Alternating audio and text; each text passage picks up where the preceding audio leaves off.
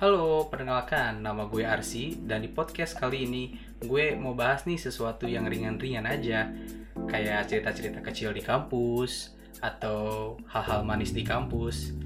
Nah, lu semua pernah gak sih ngerasain kayak cinta di kampus, cinlok-cinlok gitu terus nemuin cinta sejati lu di kampus? Kayaknya asik deh kalau kita ceritain kayak gitu ya.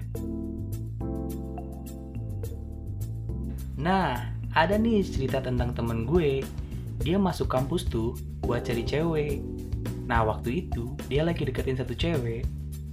Udah deket nih, taunya si cewek itu malah jalan sama temen cowoknya. Temen gue juga sih. Nah, ini ada cerita lucu lagi. Sebenarnya udah lama sih. Jadi dulu gue pernah nanya sama temen gue, lu lagi di mana? Dia ngejawab, gue lagi di Dago gue tanya lagi lah lu ke sana sama siapa? Dia jawab sama Gojek.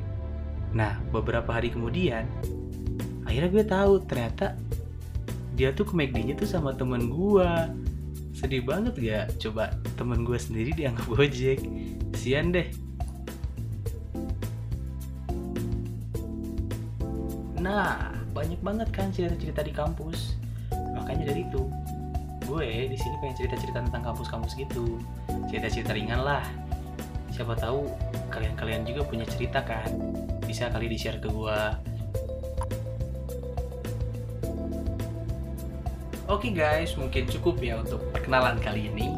Dan untuk next episode, gue mau ngundang satu teman gue buat nemenin gue cerita-cerita tentang masa-masa kampus yang bisa bikin dunia kampus lebih berwarna lagi daripada yang tadi-tadi.